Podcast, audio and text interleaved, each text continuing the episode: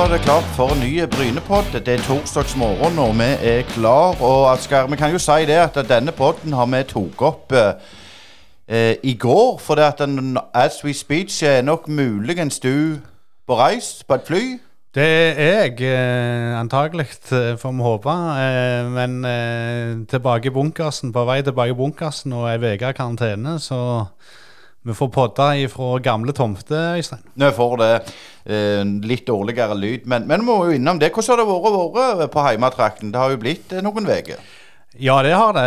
Det har blitt eh, vel ti uker til sammen. Og, og, det har vært veldig kjekt å komme hjem etter halvannet år når det ikke har vært mulig mest å komme seg hjem. Og, og fikk jo en vanvittig flott eh, seinsommer og godt vær og fått sett litt Brynekamper. og smakt litt på, på, hvordan det virkelig er på Bryne. Og, og så har jeg jo fått sittet litt i studio selv jeg for første gang siden vi begynte med denne podkasten. Så nå vet vi iallfall hvordan det ser ut framover. Øystein. Ja, vi har i grunnen en god plan, syns jeg. Veldig god plan. Og i dag så har vi jo òg en, en god plan.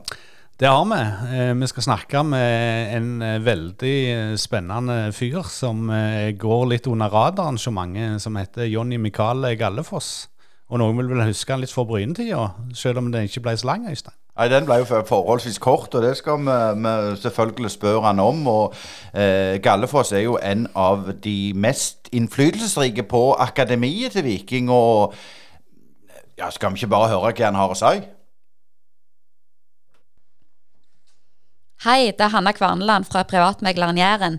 Er du på boligjakt, eller vurderer du å selge boligen din? Vi i Privatmegleren Jæren er ekte lokalmeglere med spesielt god kompetanse og et godt fotfeste om boligmarkedet her på Jæren.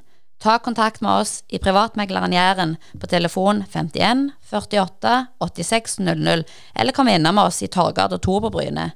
Privatmegleren Jæren. Alt vi forventer, er at du forventer mer av oss. Sparebanken Vest er ikke som andre banker. Den største forskjellen er at det er du og de andre kundene som eier banken, og alle verdiene som skapes, de skaper vi sammen. Verdiene gir tilbake til deg og lokalsamfunnet i form av kundeutbytte til deg og samfunnsutbytte til lokalmiljøene. Hos oss vil du møte en personlig bank og få din egen dedikerte rådgiver. Enten du trenger en prat eller ønsker å fikse ting sjøl, så er vi lett tilgjengelige for deg. Ta gjerne kontakt med oss på spv.no. Håper du vil bli med på laget. Da fortsetter Brynepodden, og i dag så skal vi ikke så veldig langt. Det er en gjest som bor uh, mest sånn vi ser uh, herifra, Asker. Ja, det er iallfall der som du bor, ser vi ifra. Eh, nå er jeg heldigvis i studioet ditt ennå, så vi får ha en god prat med Jonny Mikael Gallefoss. Og Hjertelig velkommen til Brynepodden, Jonny. Tusen takk for det.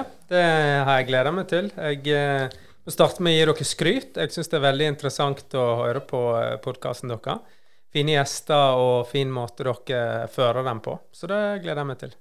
Vi setter alltid pris på skryt, så det sier vi tusen takk for. Men, men vi, må, vi, må, litt tilbake til, til, til deg, eh, Jonny Mikael. Du er oppvokst i Guddal. og Fortell litt om, om den barndommen og, og den tida der. Ja, jeg er jo oppvokst i ei lita bygd. Um, og Eh, der det er gardsbruk gjennom hele dalen. Store avstander mellom folk. Eh, eh, og så eh, ja, var det å lære å være med på gården, samtidig som jeg brukte alle luker til å eh, spille fotball. Så eh, fotballen tok stor plass allerede da. Det er vel sikkert derfor jeg er her.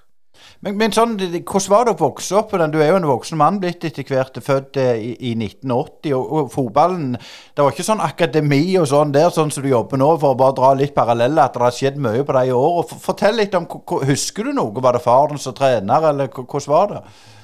Eh, det er litt spesielt, fordi eh, det var på en måte et fotballmiljø eh, som vokste fram gjennom skolen, egentlig. Um, og så i mitt uh, kull Vi var jo den største klassen. Vi var jo hele seks stykk. Uh, der uh, var fotballinteressen enorm, og vi dreiv hverandre fram. Fordi vi var noen som var veldig kompetitive av natur, på et vis, i den klassen. Og så bare balla det på seg. Um, og så ble det fotball gjennom hele skoledagene og etterpå, og når det måtte være. Eh, Så eh, ja, det var ikke et eh, akademi eller trenere som fikk oss til å starte. Det måtte vi oppsøke sjøl, og det gjorde vi til slutt. Noen hadde en storebror som spilte for Dale, og det var den store plassen en halvtime unna. Og så fikk jeg høre at der går det an å begynne på lag. Og jeg bare wow, begynne på eget lag og sånn. Eh, så eh, da liksom eh, var det sånn at eh, et spørsmål om eh, en var villig til å kjøre dit, for det tok lang tid å kjøre fram og tilbake på trening. Og så selvfølgelig skulle foreldrene mine gjøre det, når de så hvor glad jeg var i fotball. Så det, da starta Dale-karrieren der. Ja, og Seinere så, så ble det jo høyere opp, og blant annet etter hvert kom det jo til Bryne. Men, men kan du si litt om, eh, om selve det der opplegget? altså Det er jo veldig fjernt fra sånn som det er i dag, der alt er streamlina omtrent fra ungene fem år og oppover. eh, Den der frie leken, frie spilling og at en begynte å spille på lag relativt seint, det, det ser en ikke mye av i dag. Hva tror du har skjedd på veien der? Eh, det har jeg faktisk reflektert en del rundt. da. Eh, både som spiller, eh, og hva det påvirker spilleren, eh, og som eh, trener eller leder. da. Eh, jeg tror på en måte det har vokst fram en veldig sånn klarhet i hva spillet går ut på. Eh, når du på en måte tar spillet sjøl og omfavner det. Eh, det at eh, målet er å, å score, Det høres liksom spesielt ut, men du blir så klar over hva du jakter etter. Du er på jakt etter muligheter for å komme dit hvor du eller laget kan oppnå den fordelen så vi kan skåre mål. Ehm, og så, eh, i forhold til å være på en så liten plass og ikke ha struktur på ting når du er så, eh, fra du er så ung, så handler det om å ta initiativ og ta ledelse. Eh, og tenkt veldig mye tilbake på hvordan ja, jeg eh, hele veien eh, Nå må vi gjøre sånn. nå må Vi si, vi har de reglene, vi har det spillet. vi har, eh, Sånn holdt den på fra en var altså bitte liten, liksom. Å dra i gang og få med. For det var jo ikke sånn at det krydda folk av. Du måtte få med alle. Du måtte overbevise dem. Du måtte motivere dem for å bidra, for å være med så vi var mange nok. Eh, og på vår tid så spilte jo hele skolen fotball. Så eh, ja. Eh, jeg vet ikke om det var svar på spørsmålet, men eh, det var i alle fall et svar. Ja, Var dere òg sånn som møtte en halvtime før skolestart og, og tok den der den første kampen klokka åtte om morgenen, og sånn, sånn som vi gjorde i, i min tid? Ja, eh, Godt poeng, men vi hadde jo eh, relativt lang vei til skolen sjøl når vi gikk på barneskolen og den var i Guddalen. Så det foregikk i alle friminutt, som ble veldig ofte ganske mye for lange til fortvilelse for lærerne, pluss at du var igjen da, eh, hele ettermiddagen. Men allikevel, altså, du hadde jo en, en ganske eh, OK fotballkarriere sjøl. Du var en kort tid i Bryne, så må du fortelle litt hvordan det kom i stand at du havna ned på Jæren. Oh, ja. Eh, fotballkarrieren min eh, er jo på en måte litt sånn eh, rotete på et vis. Um, jeg eh, koste meg med fotballen og skåra veldig mye mål helt fra, fra starten av. Eh, og var tidlig på en måte ute på kretslag og var med et år opp i forhold til hvordan systemet var der en stund, og sånne ting. Eh, men eh, så kommer du på en måte til et sånn veldig tydelig skille da, når du er fra en sånn mindre plass sjøl, og da refererer jeg til Dale, som, som har lag og har muligheter videre. Eh, da er jo det liksom Sogndal, hvis du er flink, som er det naturlige valget. Men gjennom det kretssystemet så var det eh, en kretsansvarlig, Jan Georg Rutledal, som, som, som tok tak i far min en gang og snakka om NTG. Det var jo helt eh, fjernt og sånn. eh, I utgangspunktet hadde jeg ikke hørt om det. Det var ganske ferskt på fotballsida. Men så ble det en greie, da. Vi fikk litt sånn informasjon og sånn. Og så når valget kom, så jeg, dro jeg dit og flytta, altså før jeg var fylt 16, da, til Bærum og gikk på NTG. Hvordan, hvordan former den, den overgangen? Altså Du kommer fra, fra en relativt eh, jordnær, bokstavelig talt, eh, gard eh, på, på Vestlandet og flytter inn i, i Bærum, som er da klisjeen på det, det, det velfødde Norge og de rikeste i landet og de som har mest innfly, innflytelse i samfunnet. Hvordan var den overgangen for deg å komme der når du var 16? Eh, først og fremst så tror jeg det har prega valget i livet mitt seinere, at jeg tok det valget. Eh, for det var akkurat sånn jeg følte det. Jeg følte jo at jeg var en sånn skikkelig eh, bygdegutt, for Dale var jo stort for meg eh, lenge. sant? Og så, eh, og så kom jeg dit, og så tenkte jeg at eh, her er alle bedre. Men veldig fort så visste akkurat fotballbanen og den arena at nei, nei, dette, dette er akkurat det samme her som det var hjemme. Det er fortsatt jeg som kan skåre måla, det er jeg som kan prege det som skjer her.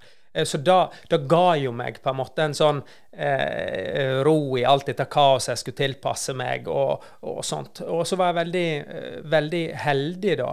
Eh, at det, det var veldig dyktige folk eh, som eh, var der i den startfasen av NTG. Vi snakker Rune Skarsfjord, vi snakker Tor Todesen, Kasimir Sokolovsi, Hans Knutsen og det Espen Olafsen. Altså, det er ganske rått å tenke tilbake på den lista med navn som var der når jeg var der. Og òg er det litt kjekt å tenke på den måten eh, jeg følte at eh, jeg ble eh, tatt vare på. da. Eh, fordi eh, det som har prega min karriere aller mest, det er jo at jeg har vært skada eh, veldig mye siden jeg var 13 år. Altså jeg har samme type kneskade som jeg egentlig uh, har Det er et par år jeg ikke har hatt eh, enten en kortere eller lengre skade med det. da. Eh, helt til jeg ga meg fra jeg var 13-14 år. Eh, så det har prega mye av det. Og det begynte jo eh, eh, Og NTG var den første gangen jeg hadde mer enn liksom eh, tre måneder ute. Da var jeg ute over et år eh, etter jeg gjorde en operasjon på det. Men, men eh, altså, Vestlandet er jo kjent for, for sitt tvisyn på ting. og Østlendingene er kanskje litt mer selvsikre når de går inn for noe, og spesielt i et sånn miljø som Bærum. altså Tok du med deg noe? altså Du er veldig formativ år du var der borte. sant? Det, det er jo da du blir på en måte, på en måte knødd sammen til den som du på en måte blir når du blir voksen i den alderen fra 16 til 3-24, kanskje. Eh, Prega det det? Endra du deg noe i de årene du var der i, i Bærum på NTG? og du, Fikk du mer sjøltillit, på en måte? Eller hadde du alt det der med deg fra siloen hjemme? Alt på? Jeg tror på en måte eh, at eh, det hjalp at jeg hadde på en måte en litt en sånn grunnleggende selvtillit, og, og at jeg fikk lov, og at hovedarenaen min var fotballbanen, som gjorde at, eh, at en, en, en fremdeles hadde den med seg. Men, men, men jeg føler jo òg at når jeg ser tilbake igjen, sant, så, så, så liksom eh, var jo det ei sånn reise på å finne seg sjøl, der jeg liksom ikke føler at jeg da var helt den jeg er nå. Veldig langt ifra.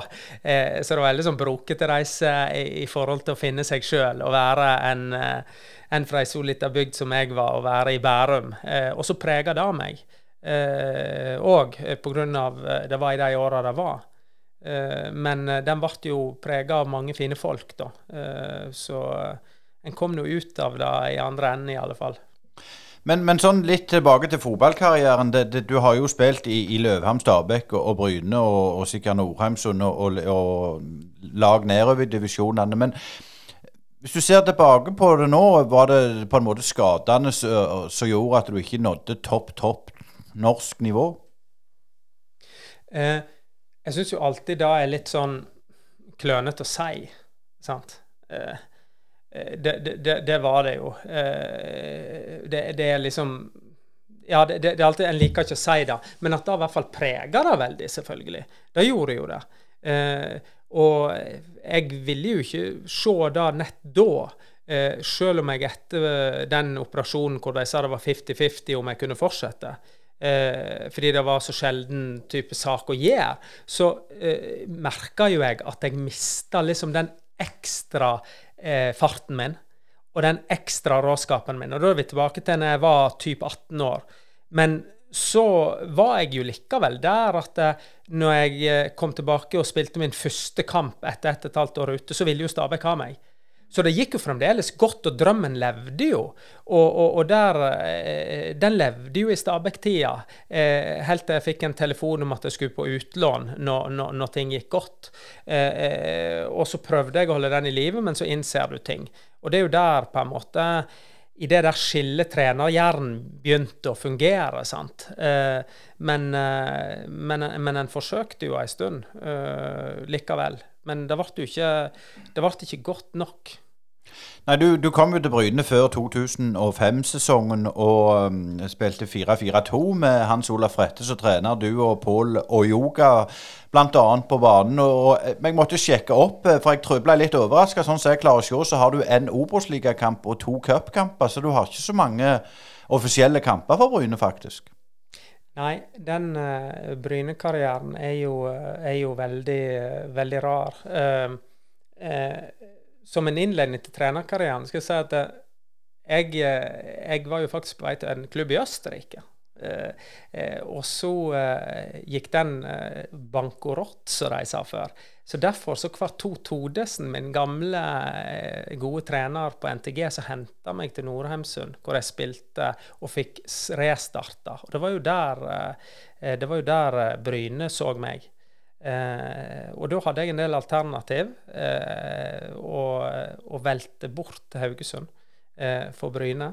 Eh, som skulle bygge nytt stadion og alt mulig. Eh, og kom til den her 4-4-2-en, da. Eh, og det var fine folk, og det var Hans Olav som visste hva han ville ha av meg. Var veldig tydelig på det. og, og det var Eh, så rart at det er et halvt år, at det var så kort. Og det er folk som møter meg, og spør hvor mange sesonger jeg hadde her, men det var jo bare, var jo bare et halvt år. Eh, og det gikk veldig godt, syns jeg. Det var en fin opplevelse. Helt, eh, helt, rett før sesongstart så la vi om til 4-5-1, og så forstår jeg godt at Pål Åga spilte en som spiss eh, istedenfor meg. Men, men vi kan, kan jo gå litt på det private. Du skåret jo der, iallfall. Det jo, det er jo derfor den Bryne-karrieren har så stor plass, og jeg har den eh, i bakhodet med et smil om munnen, selv om det var eh, kan lett lese sånn sportslig fiasko. Eh, det er jo at eh, jeg møtte jo et vidunderlig menneske fra Varhaug, eh, som har eh, gjort at Ja, derifra ble jo livet mitt bedre og bedre hele veien.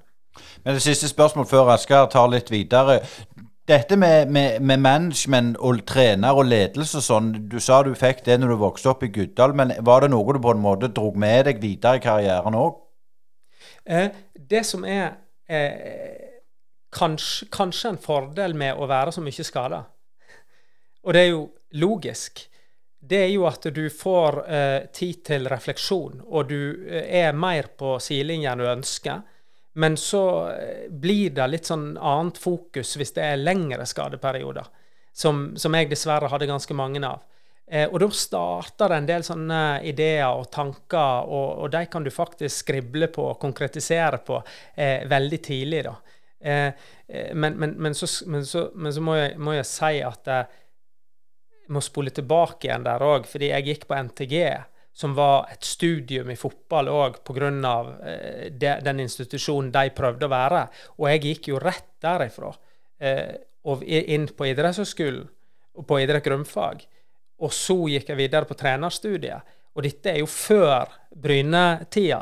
Så, så, liksom den her skadesituasjonen mot at jeg hadde begynt å studere, gjorde at jeg var veldig tidlig i gang med den type tankesett. da.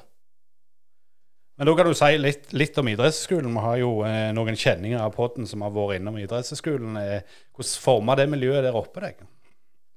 Eh, nå skal du si at eh, i etterpåklokskapen så er det sånn både yes, utrolig glad for at jeg gikk der, og på den andre sida på fotballen med de beina jeg hadde, så var det veldig dumt å være, eh, gå på treningsøkter med Stabæk på dagtid, være ung utfordrer, og gå to timer svømming hver dag på idrettshøyskolen, for å sette det på spissen. Det var veldig klønete gjort i forhold til totalbelastning.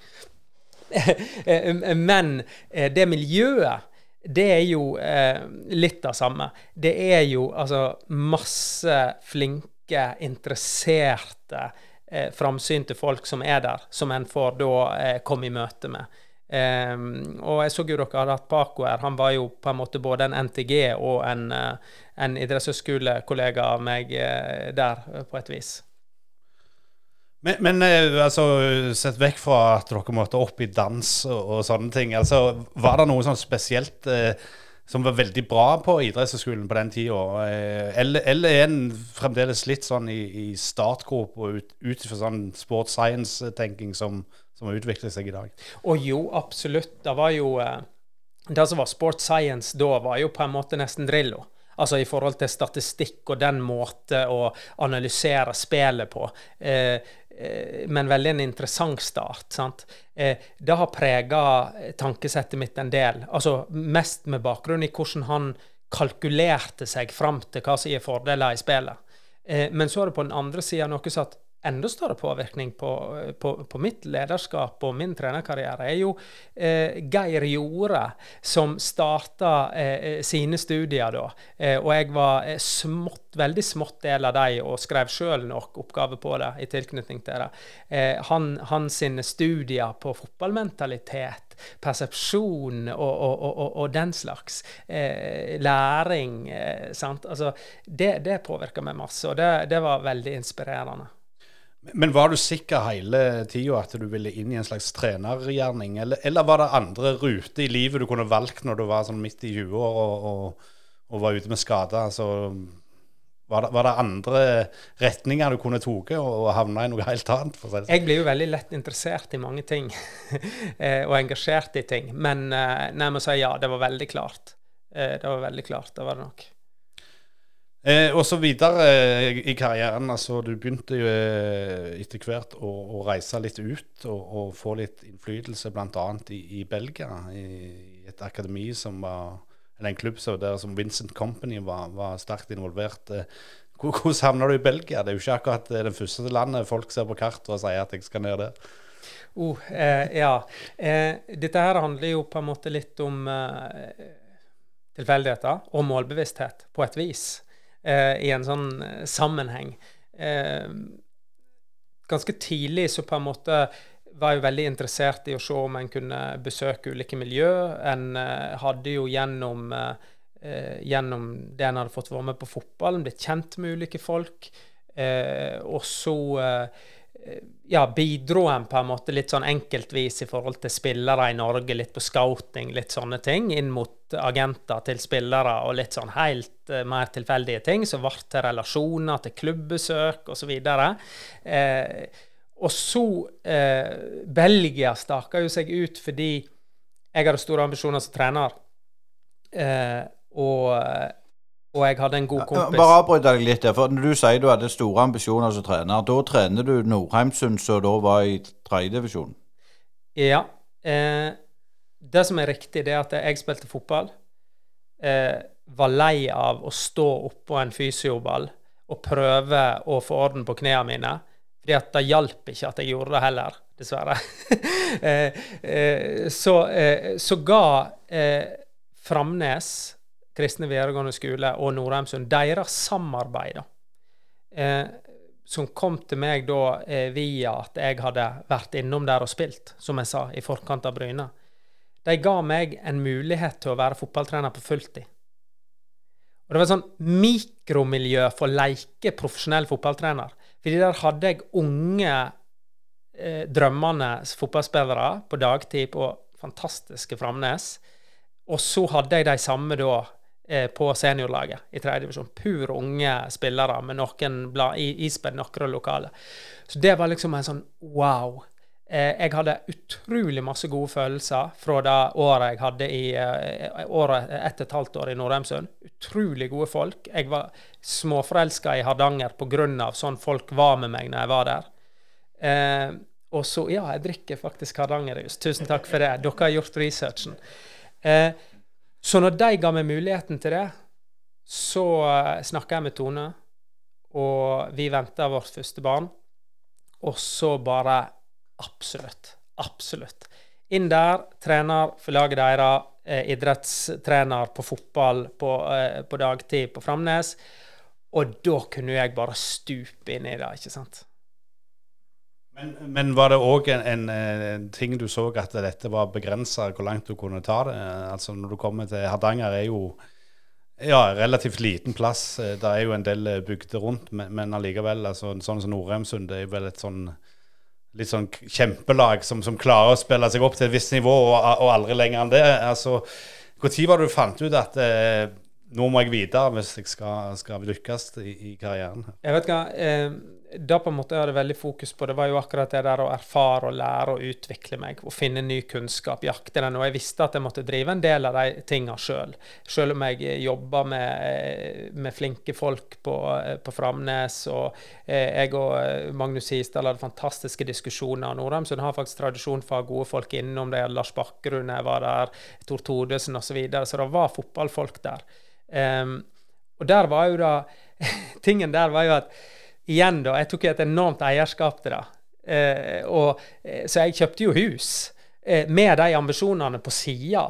Eh, fordi at jeg hadde så eierforhold til å skape på en måte en utviklingsarena i Hardanger, og begynte å jobbe for samarbeidet mellom Norheimsund og Øystese. og eh, det, var, det, var, fantastisk kjekt og utfordrende. Jeg ble jo sportssjef i klubben òg eh, etter hvert. Eh, så, så, så, hus kjøpte vi der. Eh, eh, men, men, ja, jeg jobber på en måte parallelt med å Ikke med å komme meg vekk, men jeg, men jeg jobber med å, å, å, å, utvikle meg, og gjennom det så kom det på en måte da noen muligheter. Og den muligheten her, den kom jo fordi eh, Vincent Company hadde et eh, veldig spennende prosjekt. Et litt sånn hjertebarn i forhold til å gi tilbake til Brussel. Eh, skape noe unikt. Eh, og så eh, vurderte jo han hvem skal på en måte eh, komme inn i dette prosjektet her, da. Eh, og eh, da snakka han med Christian Wilhelmsson, som jeg spilte med i Stabæk, som er en god kamerat. Og da anbefalte han, kasta han liksom bare ut meg og sa at ja, men han er sånn og han er sånn, og fortalte litt om meg. Og så eh, ble jeg liksom en kandidat. da. Jeg ble på en måte en på lista. Og så ringte på en måte folka til Vincent meg, for eh, han har jo han har jo et helt management rundt seg. Eh, og så snakka jeg med dem. Eh, og så eh, en dag så ringte jo Vincent meg sjøl eh, når han var på treningsleir i Sør-Afrika. og så endte jo den samtalen med å vare en time.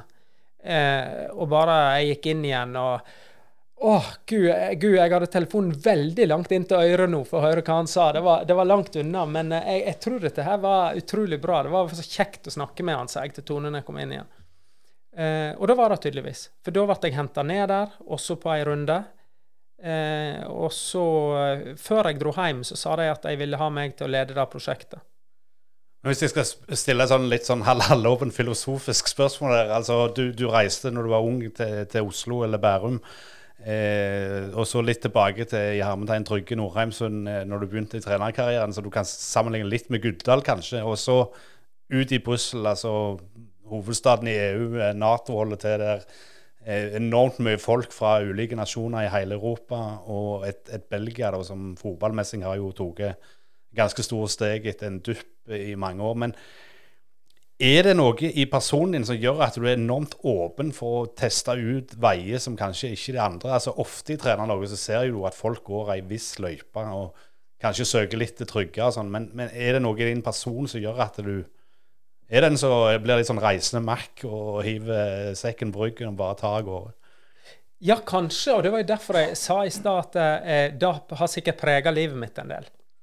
Eh, det at jeg valgte å dra til Bærum fra Guddal så tidlig, eh, eh, selv om jeg på ingen måte vet at det er svaret.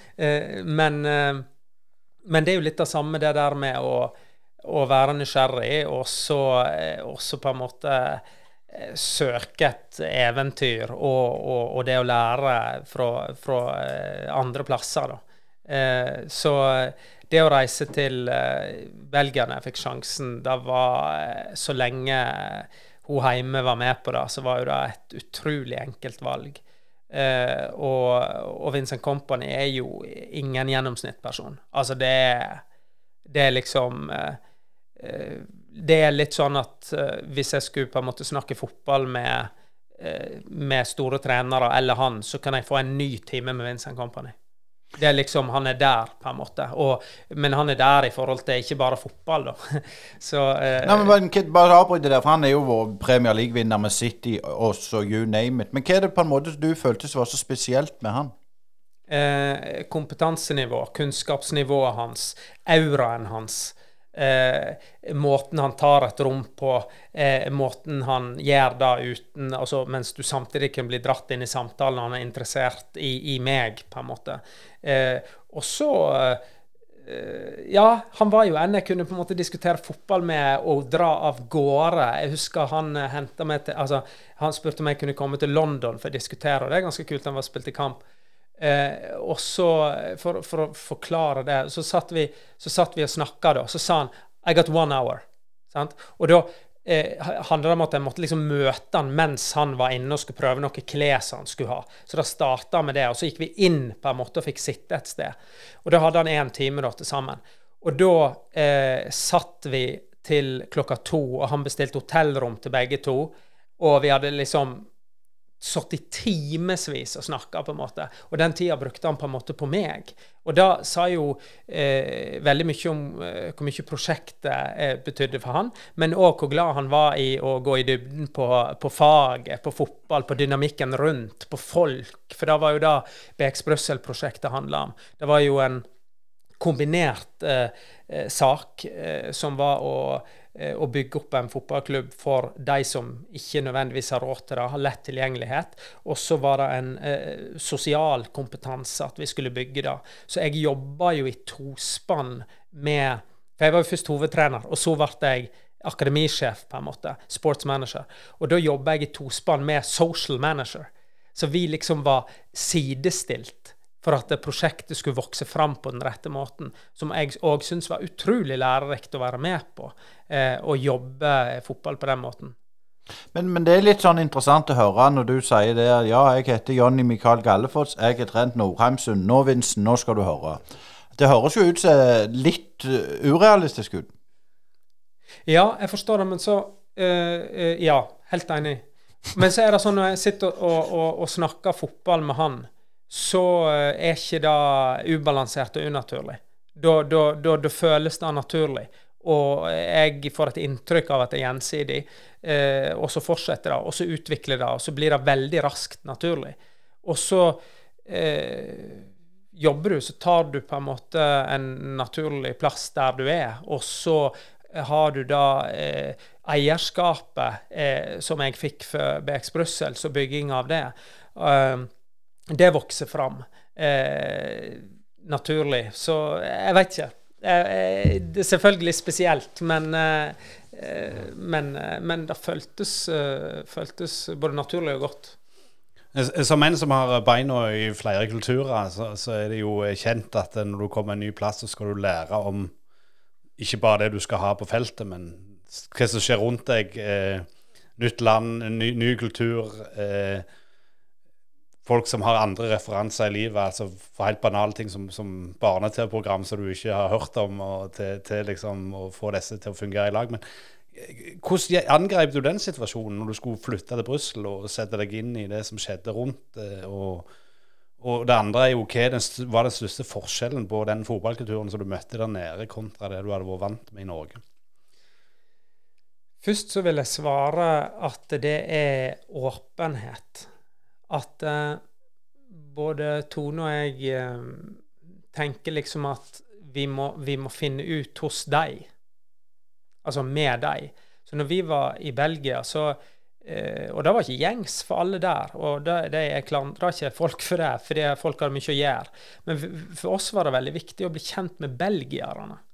Eh, få noen venner som på en måte var fra frankofile sida, altså, som var liksom fra nord, og, og de fransktalende og Brussel-folk. Hvem, hvem, er de, og bli kjent med dem? Eh, veldig nysgjerrig på det. Vi hadde ungene i, i, i, uh, i fransk skole. Eh, eh, og, og, det å på en måte lære dem å kjenne og forstå det. Og så var det veldig komplisert, da, eh, eh, en del av de tingene. Som f.eks. når jeg skal bygge en klubb. For vi, vi starta We start from scratch. Det var liksom slagordet.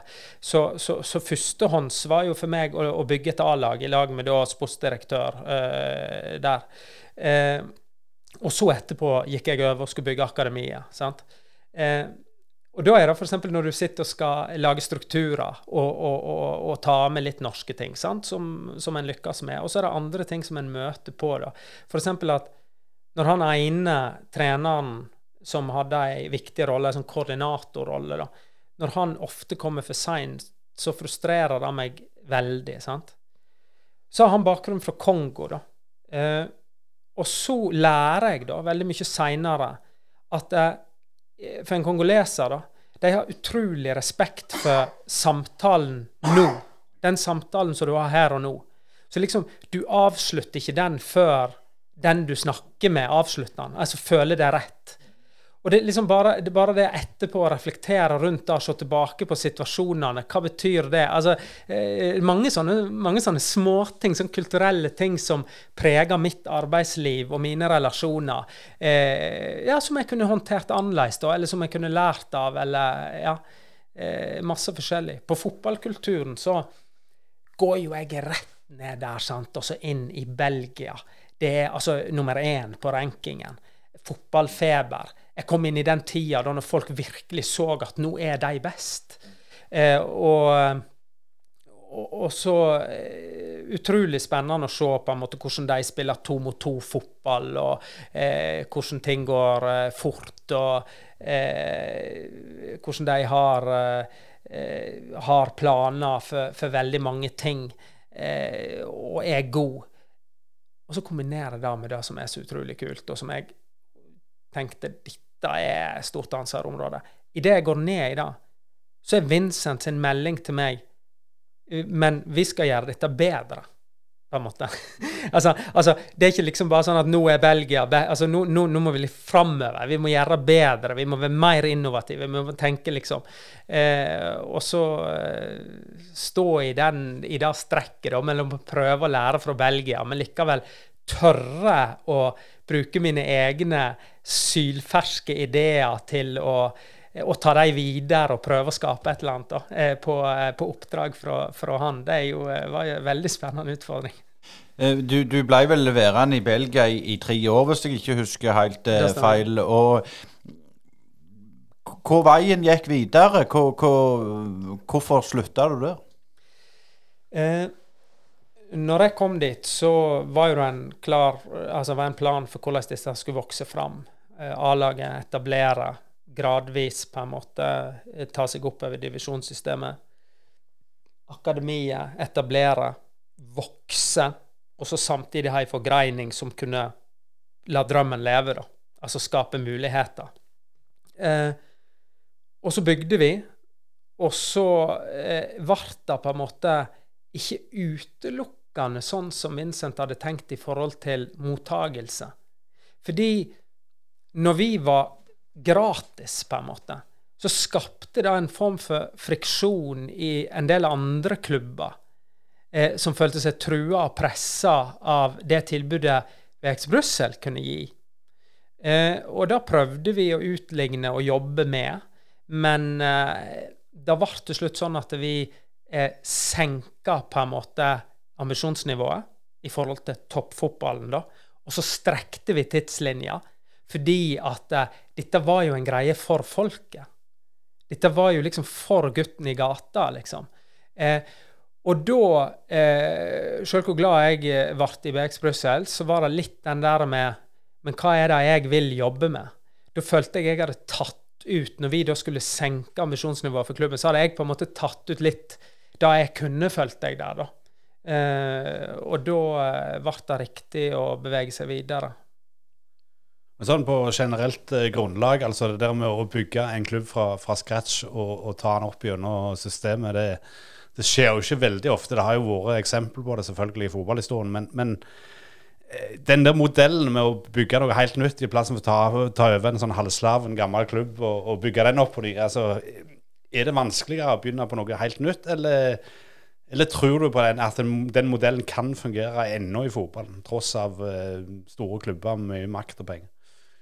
Uh, ingenting er umulig, men uh, jeg tror etterpå så skulle en kanskje hatt en enda klarere erkjennelse av sitt sted i Altså hvor en skulle operere, da, og være enda mer erkjennende på det, på en måte, for en har jo bl.a. Anderlecht som, som nabo, eh, så godt som. Ikke det at en skulle direkte konkurrere med Anderlecht, det var ikke det som var ambisjonen, men likevel, når jeg ser på hva vi prøvde å, å, å, å oppnå, Eh, men så var jo det sånn at vi gikk jo på en måte inn i en klubb og kjøpte deres registreringsnummer, på en måte. Eh, med de utfordringene de kanskje ga litt sånn skjult, da. eh, eh, så vi, vi, gjorde jo det. Men, eh, men ja, ei formidabel oppgave, ei vanskelig oppgave. Eh, men med intensjon om å gjøre noe som var veldig godt, så, så var det spennende. For Brussel, hvor gikk veien videre da? da var jo det litt sånn at det vi opplevde, Tone og jeg og ungene og uh, vi, vi, var jo da blitt tre. han gutten vår, han er født i, i Belgia. Vi, vi, liksom Vi fikk så masse av å bo ute. Det var så berikende for oss, på en måte. Og, og, og Brussel er jo spesielt, og vi bodde i Waterloo. Eh, folk fra mange nasjoner. Eh, ressurssterke, flinke, interessante folk. Det ga veldig sånn der eh, Selv om vi, vi savna jo folk i Norge og, og, og, og, Norge i hele tatt, det gjorde jo vi på et vis. Men, men, mer at du hadde liksom lyst til å kjenne på det der. Så det var en sånn tanke og en forsøk om å først å liksom eh, dra, dra, til et nytt eventyr med en gang. Eh, men så var vi veldig sånn OK med å dra hjem. Eh, og da, for å liksom lage en sånn der eh, overgang der, da, så skulle vi realisere en drøm, og det gjorde vi. Da reiste vi et halvt år, eh, hele familien. Eh, så det var, det var fantastisk. Det, det, var herlig å ha det tidsperspektivet når du er der. Men, men, når du var på Loffen, så kan du ikke gjøre det for evig og alltid, for du må vel ha, ha lønn og, og, penger i, i kassen, du, så, så alle andre, mest sagt. Og da kom det jo òg en, en, ny uh, ting på banen. Eh, ja, da var det vel egentlig mest sånn at uh, vi uh, bestemte oss for å dra hjem. og så hadde jo vi et hus da, i Hardanger, men så erkjente vi på en måte at å flytte tilbake til Hardanger eh, hvor ingen av oss var ifra. Sjøl om vi syntes folk der var nydelige og plassen var fantastisk, så ble det helt unaturlig. og Det var ikke forenlig med at jeg skulle fortsette å jobbe i fotballen, i hvert fall på et, eh, på et bra nivå. Eh, så, så det starta vi en prosess tidligere med å selge huset. Men da eh, fant vi ut at eh, vi hadde lyst til å bo nærmere familie. Vi har hatt unger i mange år. Vi har ikke hatt noen familie nær. Og så er jo dette en region som hun er ifra, og familien. Mora flytta, eh, bodde på Bryne, eh, svigermor bodde på Bryne, og, og, og ene storesøstera gjør det, andre i, eh, i Stavanger. Og, eh, og, vi har begge på en måte forbindelser hit, og jeg så muligheter her.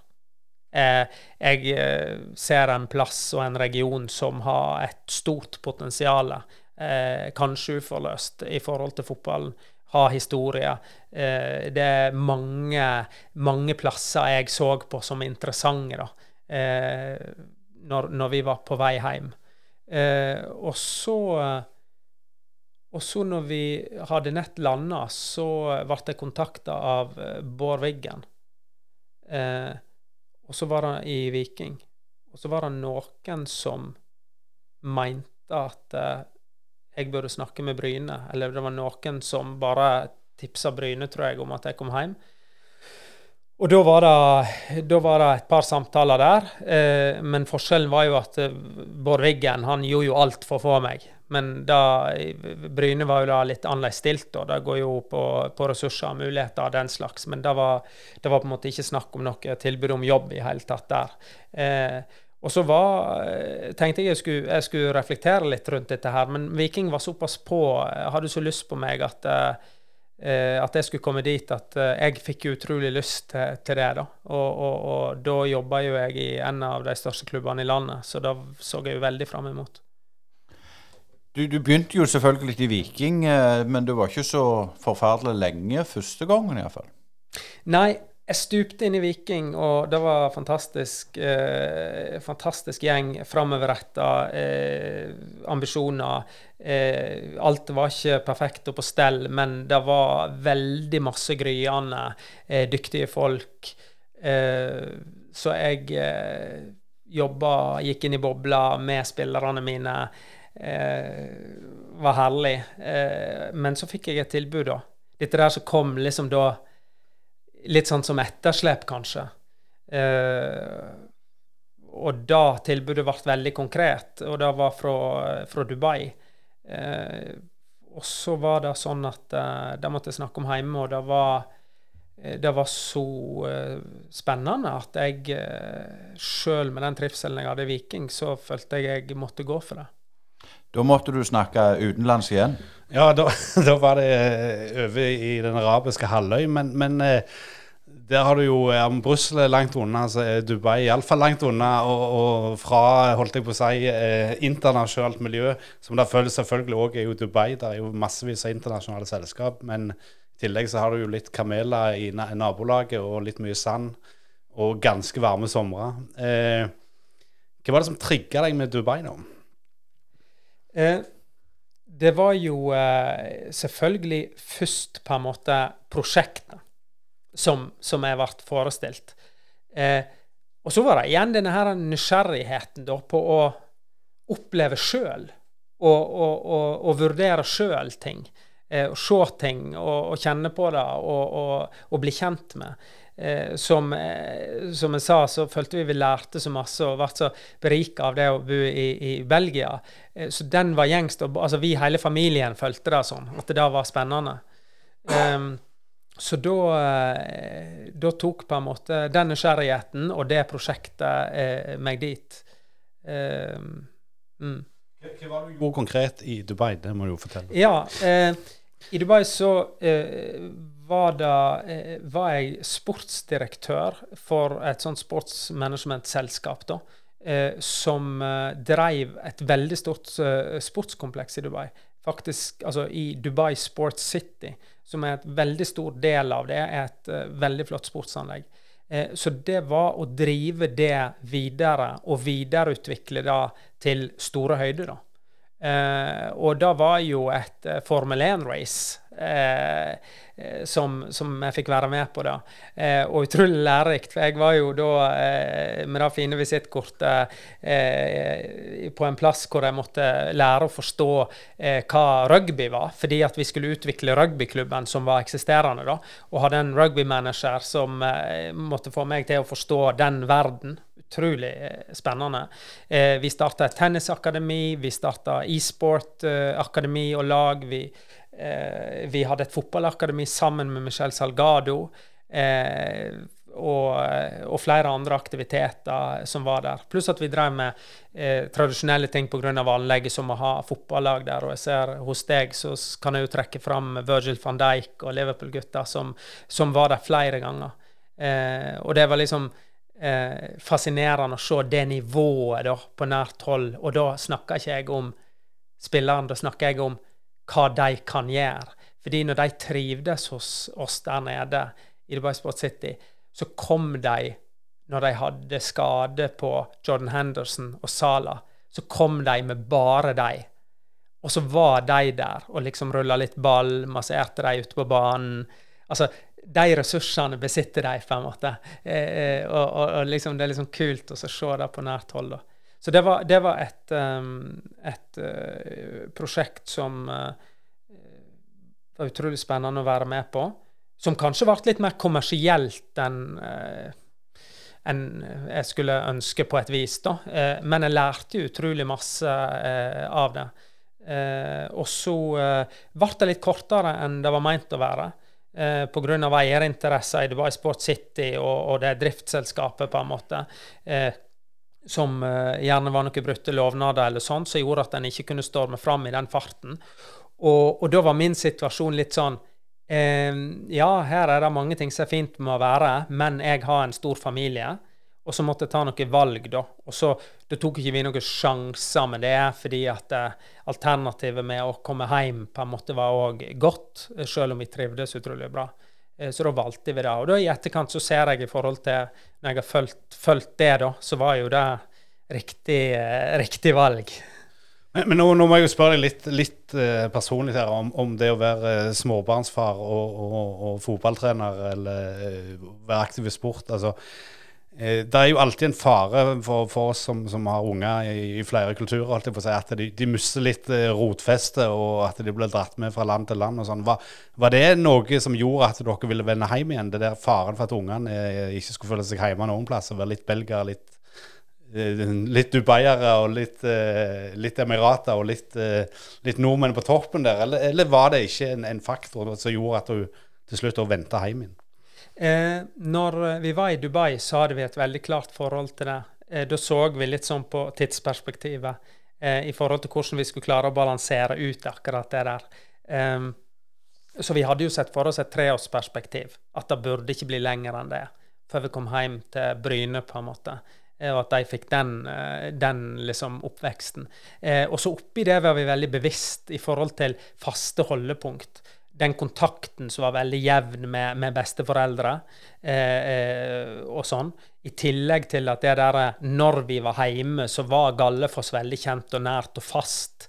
Eh, hytta på en måte eh, sammen med familie på Tranevåg var veldig kjent og fast holdepunkt. Mormor på Bryne og alt det var veldig sånn Vi, brukte, vi var bevisst på å, å ramme inn det på en måte som gjorde at det var veldig sånne holdepunkt. da. Um, så når vi kom hjem, så, så, var jo på en måte Bryne hjemme i løpet av to dager. Men det er jo litt den der tilpasningsegenskapen. Jeg tror ungene lærer seg ved å oppleve det òg, da. Men jeg tenker, nå, det, dette er jo i nabolaget ditt, Asker, så jeg, jeg, kan jo stille noen sikkert noen, et spørsmål som du syns er litt dumt. Men når du er nå sa jeg der nede, for meg så er det jo der sør. Er det stor uh, kulturforskjell landene imellom der? Vi vet jo at det skal være VM i Qatar f.eks. Altså, opplevde du noe av det? Ja, det gjorde jeg jo absolutt. Eh, og så har jo jeg òg, eh, både da og tidligere Jeg har jo reist, jeg har vært i Qatar, jeg har vært i Saudi-Arabia, eh, i tillegg til rundt i Emiratene og sånn. Og det er jo liksom eh, Saudi-Arabia er jo Altså, det er liksom en annen eh, planet i forhold til Dubai igjen, da. Eh, det er det jo. I forhold til hva du må forholde deg til hvordan du kan leve, eh, hva eh, noen kan gjøre og andre ikke kan gjøre. Eh, mens det er jo på en måte ikke, mm, ikke noe du eh, tar på, føler på, merker på på den måten i Dubai. Eh, og så er det eh, masse ting der som vi òg fikk, fikk, bekjentskap med, men som vi prøvde å finne ut av sjøl ved å bli kjent med eh, ulike folk som enten om de var parkeringsvakter eller eh, drev på et bygningsarbeid bort med hotellet. Dette er jo der Tone er helt eksepsjonell. Altså, hun, hun, hun, liksom snakker med de som andre ikke snakker med, og så drar hun meg inn i det samme. Og så får du noen perspektiver da, på ting som er interessante. Men, men altså, den arabiske kulturen er jo eh den er, jo, den er jo spesiell, og selvfølgelig er det jo varianter mellom land, som du sier. Men, men allikevel hvordan var det om, Hadde dere mye kontakt med, med, de lokale altså araberne der, eller var det stort sett sånn som var rundt anlegget og den slags? Altså, de er jo veldig gjestfrie, araberne. Og, og, du er inne på sånne hafler, altså du spiser jo mat til du holdt på å si nesten ikke kan gå lenger, og den slags. Men, men, men, hvordan var det å komme ned dit sånn sett? Altså, selvfølgelig var jo Brussel en multikulturell by òg, men, men var det noe dere måtte venne dere til, eller gikk det helst eh, ganske greit? Liksom? Eh, eh, og der er jo Dubai òg spesielt på godt og vondt. For det er jo litt sånn, det er jo litt som å flytte til New York City. på en måte. Altså det er litt sånn, eh, Det du møter på, er jo eh, bare en haug med folk fra veldig mange forskjellige nasjonaliteter. Eh, og så, Det som jeg blir fortalt av venner som har bodd der veldig lenge, og, og sånn, det er jo at nå er jo på en måte, nå, Vi møtte jo folk som på en måte var middelklassen òg. Altså det er ikke mange år siden det bare var liksom de som var loaded, på en måte, som var der. sant? Mens nå er jo liksom frisører, eh, personlige trenere og de som har vanlige jobber. Det er jo fordi byen vokser så fort, og da, da blir det på en måte ulike nivåer, ulike impulser fra, fra mange forskjellige plasser. Eh, men det å møte araberne var lite de er i Dubai, de er jo veldig få.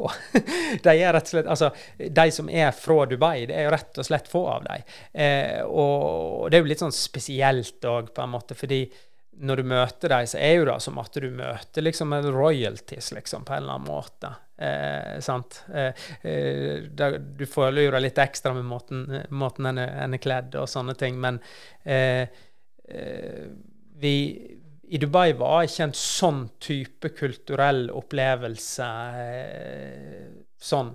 Det var det ikke. Men, men følte du et behov for å være eh, med den norske ekspat-gjengen, eller, eller søkte du liksom andre impulser òg? Eh, bare et behov for å være med kjekke folk, og, og jeg tror eh, eh vi eh, vi hadde liksom venner fra eh, altså der vi bodde, på en måte. Så blir du kjent med spanjoler, så blir du kjent med engelskmenn. Og så er det egentlig de som er eh, positive og inspirerende og, og, og gjengir den uh, interessen du har for dem. Det er de du blir ekstra godt kjent med, da. Så, så der fikk en fine kontakter. Det gjorde jeg nå. Men utferdstrangen din, eller den slo til igjen, for, for det var etter noen år så, så var det hjem til, til Viking igjen. og Eh, ble du kontakta av Viking da, eller var det sånn at du hadde eh, en stående avtale om å få lov å komme tilbake igjen? Nei, um, det hadde jeg jo ikke. Um, så det var jo på en måte uh, egentlig tillitsforholdet og relasjonen som vokste fram med flere, og, og spesielt altså med, med Mats Ølreng, da, som, som, nå er utviklingssjef i, i Viking. Uh, den var jo der. Så det var veldig enkelt for meg å egentlig bare sånn eh, Jeg kommer hjem. Og da var han eh, umiddelbart liksom Vi må snakke sammen. Eh, og, og, den på en måte måten de tok meg imot, og egentlig den måten alle i Viking sa lykke til og det er greit, selv om det var trøblete for dem at jeg dro når jeg dro, og den måten jeg da igjen tar imot meg på, eh, skapte jo umiddelbart en litt sånn der eh, lojalitet hos meg. Eh, fordi Følte du liksom på en måte den hjemvendte sønnen, på en måte? Nei, jeg, jeg, hadde jo jeg tror, jeg tror, ikke de, jeg tror på ingen måte de følte det. Eh, men på en måte fra, fra mitt perspektiv at, eh, at jeg liksom fikk, eh, fikk sjansen igjen gjorde jo at jeg fikk en lojalitet. Det er jo det jeg, eh, det, jo det jeg prøver å si. Eh, fordi at de eh, at et, eh, liksom et halvår av meg der, de kunne jo liksom ha følt at liksom, ja, men han er jo vi usikre på, han kan jo dra igjen. Så det var mer den der takknemligheten for at eh, når vi kom hjem og skulle inn i huset vårt igjen her, så, så fikk en jobb der en hadde lyst. Eh, for det jeg hadde fått smaken på eh, i Viking, var jo egentlig mest ambisjonene deres, hvor de ville hen, ikke hvor de var. Eh, så når jeg fikk den muligheten, så, så, tok jeg den med en gang. Jeg skal bare skyte inn Der for det, der Viking var, det er jo litt spesielt. For de var jo ikke, hvis vi er litt ærlige, så var de jo ikke på en veldig god plass når det gjelder ungdomsavdelinga når du begynte.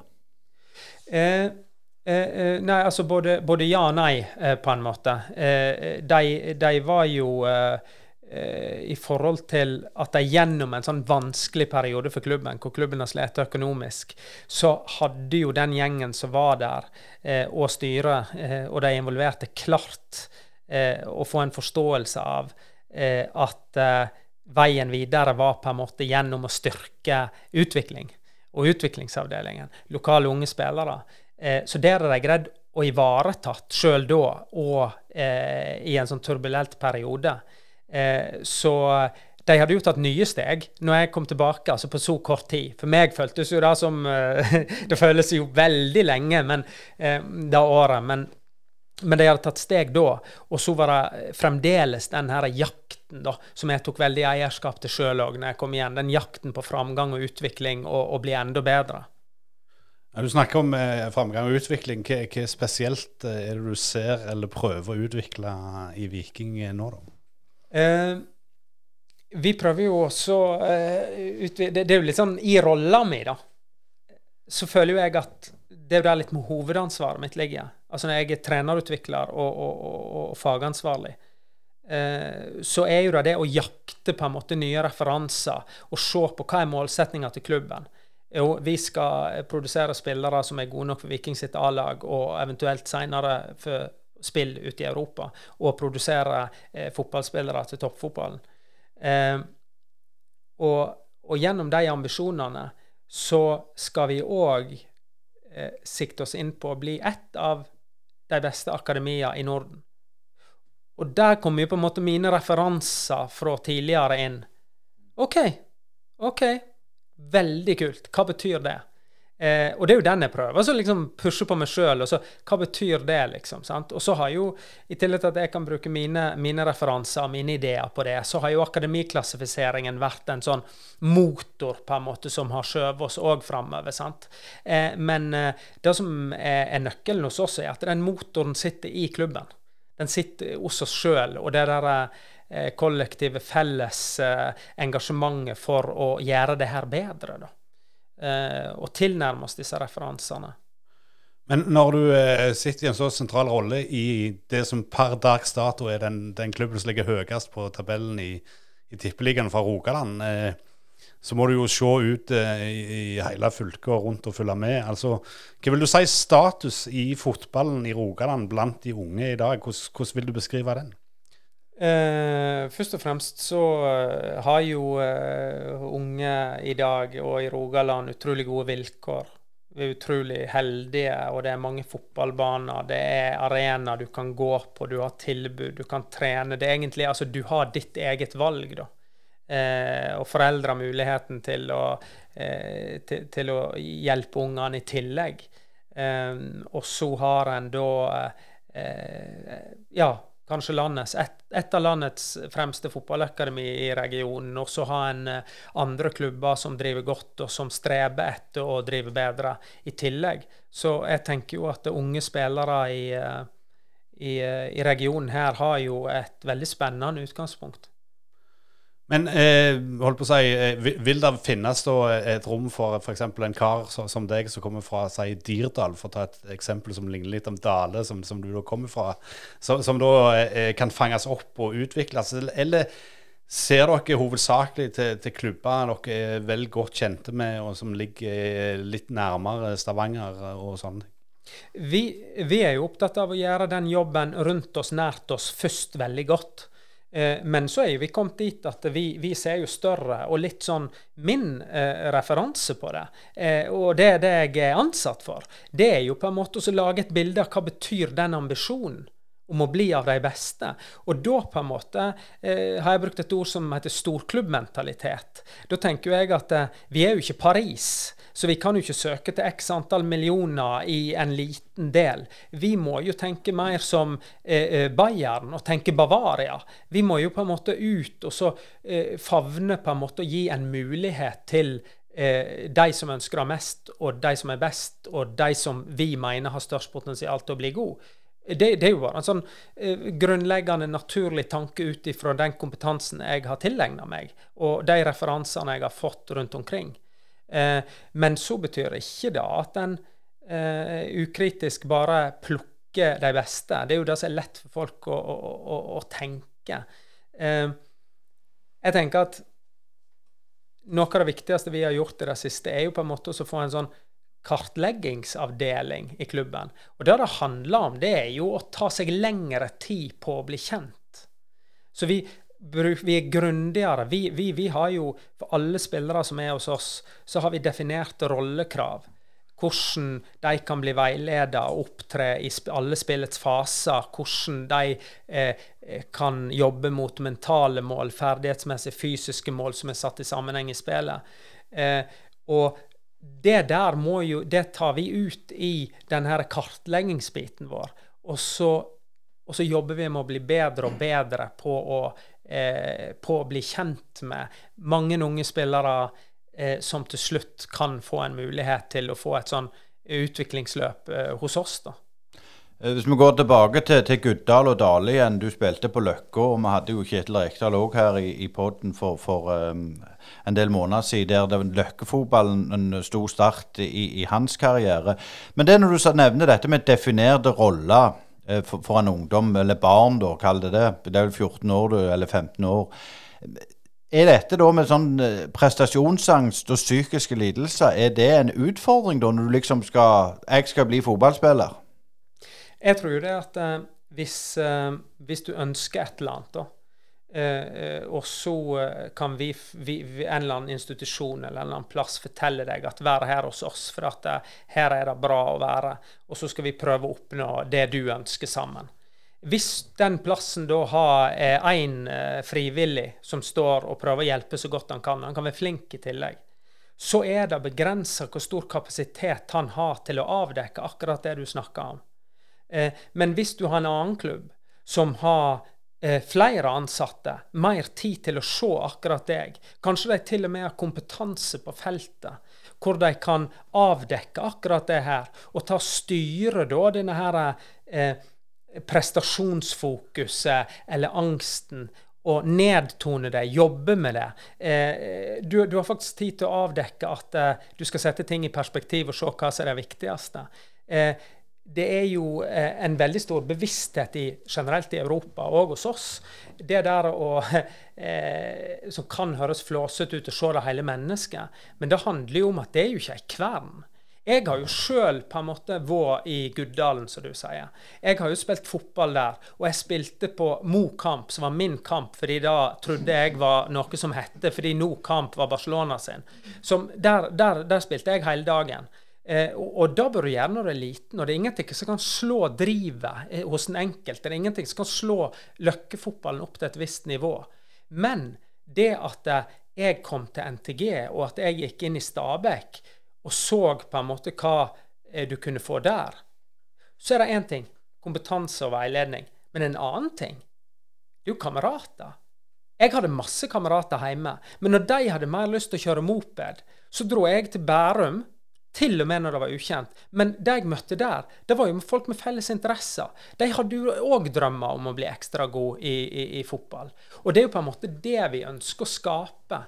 Eh, og så tror jeg at akademi, for det er så viktig at det da For det ordet høres jo veldig sånn fint og stramt ut, kanskje. Men jeg tenker jo veldig ofte at eh, av og til nå, nå, snakker jeg mye her, sant? men det engasjerer jo. Av og til så blir det skapt mikromiljø, kaller vi det. Og det har blitt gjort her på Bryne òg. Og det har blitt gjort andre plasser. Det betyr at det er litt tilfeldige ting som skjer, som sammensetter veldig mange komponenter på samme tid, som fører til en voldsom blomstring og utvikling.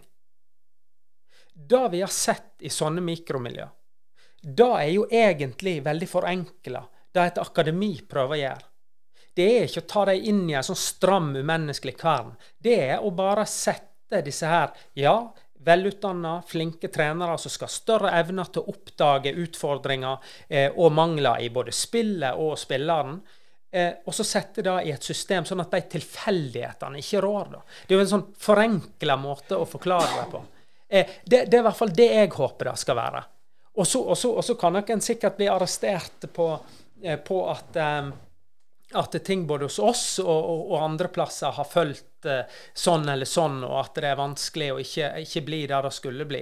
Eh, men, men, det er i hvert fall det jeg håper det skal være. da.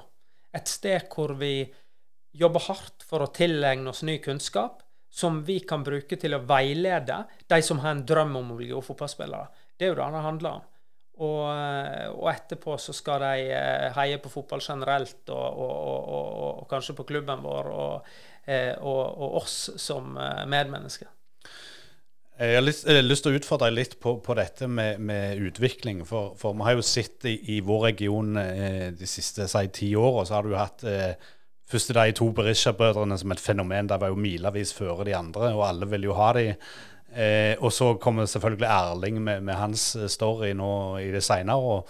Eh, det er jo sånn eksepsjonelle talent som da mm, på en måte har utvikla seg videre. Kanskje litt eh, kronglete vei for Veton nå som er i Viking, men nå i landslagssammenheng. Men, men, men hvor går liksom grensa? Vi har jo sett mange òg som har gått gjennom kverna til f.eks. Viking eller Ulf, og som ikke har klart cutten opp på A-laget, og så har forsvunnet til andre klubber. Så har de blomstra der og sånn. Men når du tenker utvikling, altså, det er jo en pyramide òg her. altså Det er jo ikke 15 mann kommer ikke inn i A-stallen til Viking. altså hva tenker du der? Hvordan skal du på en måte få de der nest beste til å passe inn i pyramiden? Ja, og det er jo en av grunnene til at vi har, um, har, har sett på og kontinuerlig ser på, eh, men at vi har sett på målsetningene våre.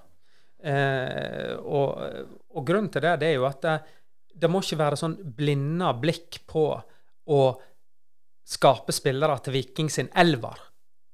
Fordi at det er umulig. Det blir for smalt. Da er målet å få dem dit. Og så i tillegg, da, er jo den der ypperst oppe der. Prestere der, ut i Europa, få den aller, aller største drømmen oppfylt. sant?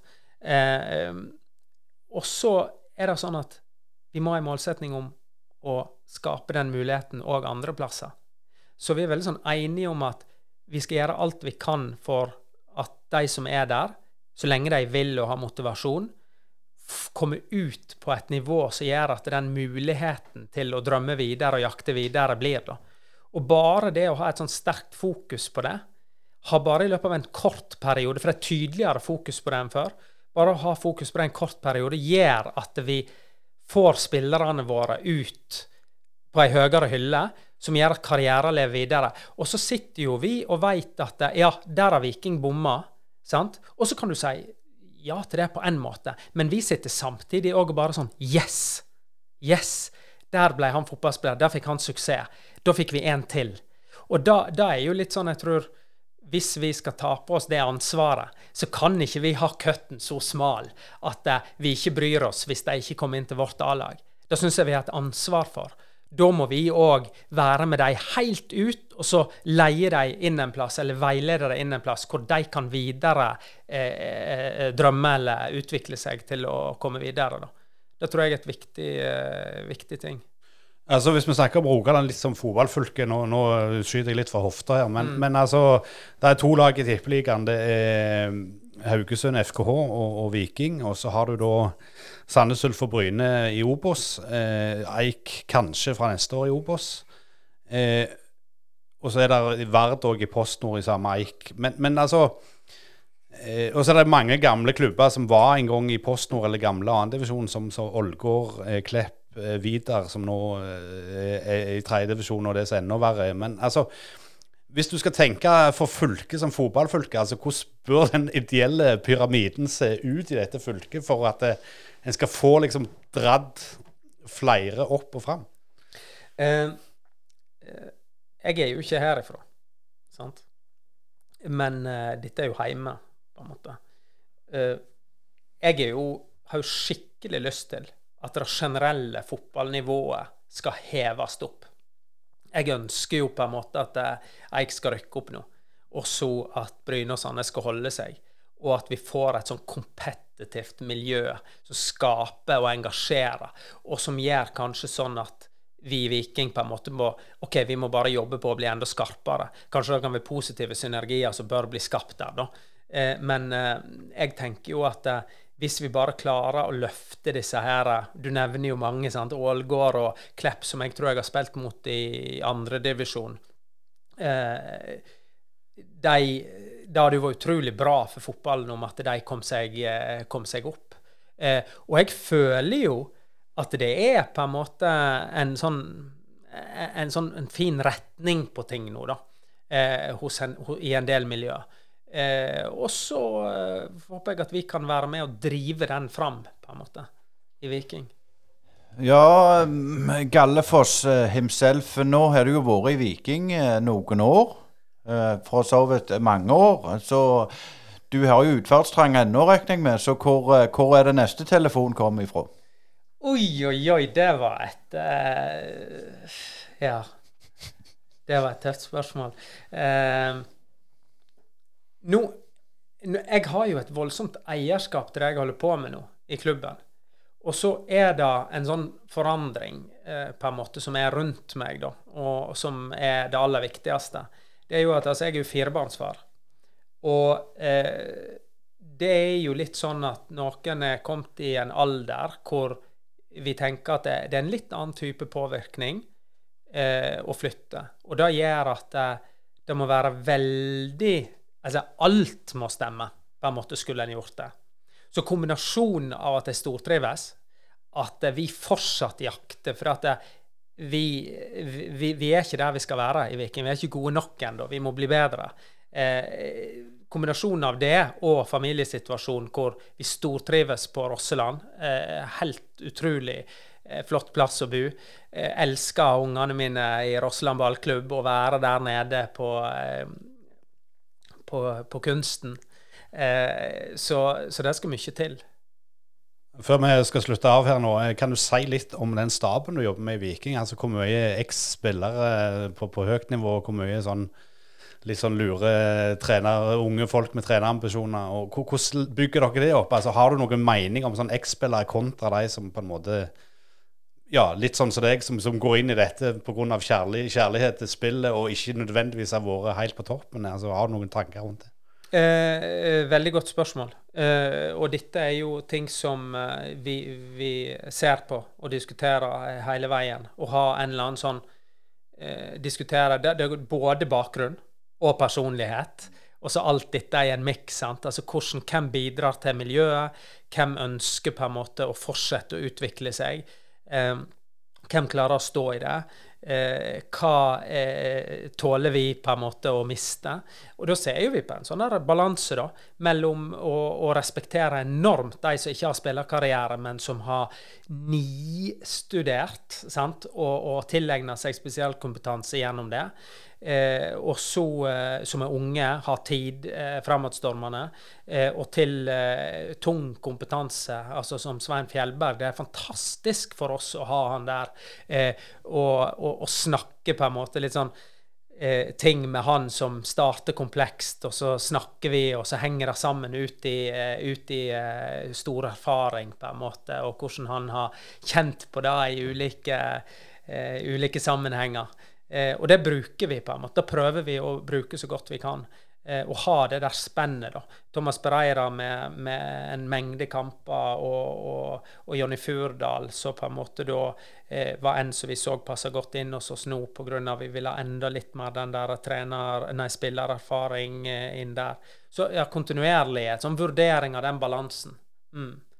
Jeg må bare, du vet Når vi snakker her, Aska, så kommer jeg alltid over på med nye spørsmål. Men dette er det siste, for nå har vi uh, snakket lenge med deg, Jonny. Men når du var ung, så, så, og du fortalte litt sånn off to record her, når du kommer i, i, i toppfotballen, så er det ganske tøft. altså Du får gjerne spillere som kommer inn, som spiller på din plass. Du, sant? du får beskjed og blir takla og alt den der biten som vi kjenner til. Er det sånn nå, føler du? Har det endra seg? Um, både ja og nei. Jeg tror på en måte at en er mer forberedt. Altså, før så kom det folk inn og så ja, men vi må snakke med han om sånn og sånn. Men nå, nå på en måte har jo vi ganske sånne eh, protokoller for hvordan det skjer, så vi veit mer på en måte i forkant. Og forventningene er veldig avklart, på en måte. Jeg kaller det for terskeltidspunkt, hvor vi er enige om at vi er på lag, at vi er en felles retning, og at du har energi nok til å gå den retningen i lag med oss, og på vår måte. Og så er vi veldig klare på hva som er vår metode, og hva som skal være vår kultur. Men inni den så er det plass til det, altså, Alt ifra i spillet vårt så er det fleksibilitet til å, uh, til å gjøre ulike ting, men det klare rammer. Til på arbeidsplassen så må det være rom for at folk får by på seg sjøl, sjøl om vi eh, har en, en, en, vei og en kurs og sånn, så er det rom for at de skal berike oss. da. Eh, så når vi får nye folk inn, eh, så eh, blir det sjeldnere og sjeldnere at vi blir takla i knehøyde, tror jeg. men selvfølgelig vil det skje. Selvfølgelig vil det skje. Det er alltid en Tommy Høiland som kommer inn, vet du. Tusen hjertelig takk, Jonny Mikael Gallefoss, for du tok deg tid til å være med oss i Brynepoddene. Bare hyggelig. Sparebanken Vest er ikke som andre banker. Den største forskjellen er at det er du og de andre kundene som eier banken, og alle verdiene som skapes, de skaper vi sammen. Verdiene gir tilbake til deg og lokalsamfunnet i form av kundeutbytte til deg og samfunnsutbytte til lokalmiljøene. Hos oss vil du møte en personlig bank og få din egen dedikerte rådgiver. Enten du trenger en prat eller ønsker å fikse ting sjøl, så er vi lett tilgjengelige for deg. Ta gjerne kontakt med oss på spv.no. Håper du vil bli med på laget. Hei, det er Hanna Kvarneland fra Privatmegleren Jæren. Er du på boligjakt, eller vurderer du å selge boligen din? Vi i Privatmegleren Jæren er ekte lokalmeglere med spesielt god kompetanse og et godt fotfeste om boligmarkedet her på Jæren. Ta kontakt med oss i Privatmegleren Jæren på telefon 51 48 86 00, eller kom innom oss i Torgata 2 på Bryne. Privatmegleren Jæren. Alt vi forventer, er at du forventer mer av oss. Tusen hjertelig takk, Jonny Mikael Gallefoss, for du tok deg tid til å være med oss i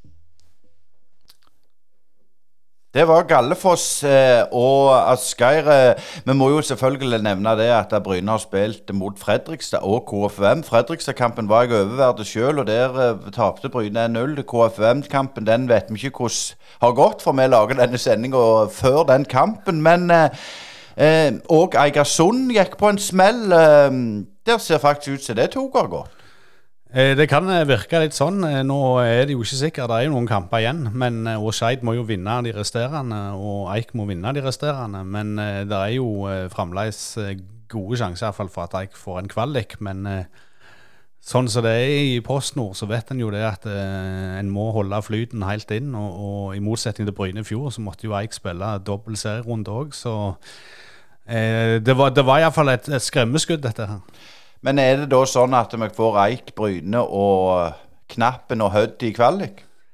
Det kan jo skje, men vi, som, som skal jo ikke spå framtida når det gjelder PostNord og verken det eller Obos. Obos er jo helt åpent. og, og Bryne lå vel på kvalik en stund eh, mot etter Fredrikstad-kampen mens den pågikk, men eh, resultatet bikka jo i rett retning, sånn at eh, de fremdeles er litt over streken. Men de må jo vinne noen kamper snart.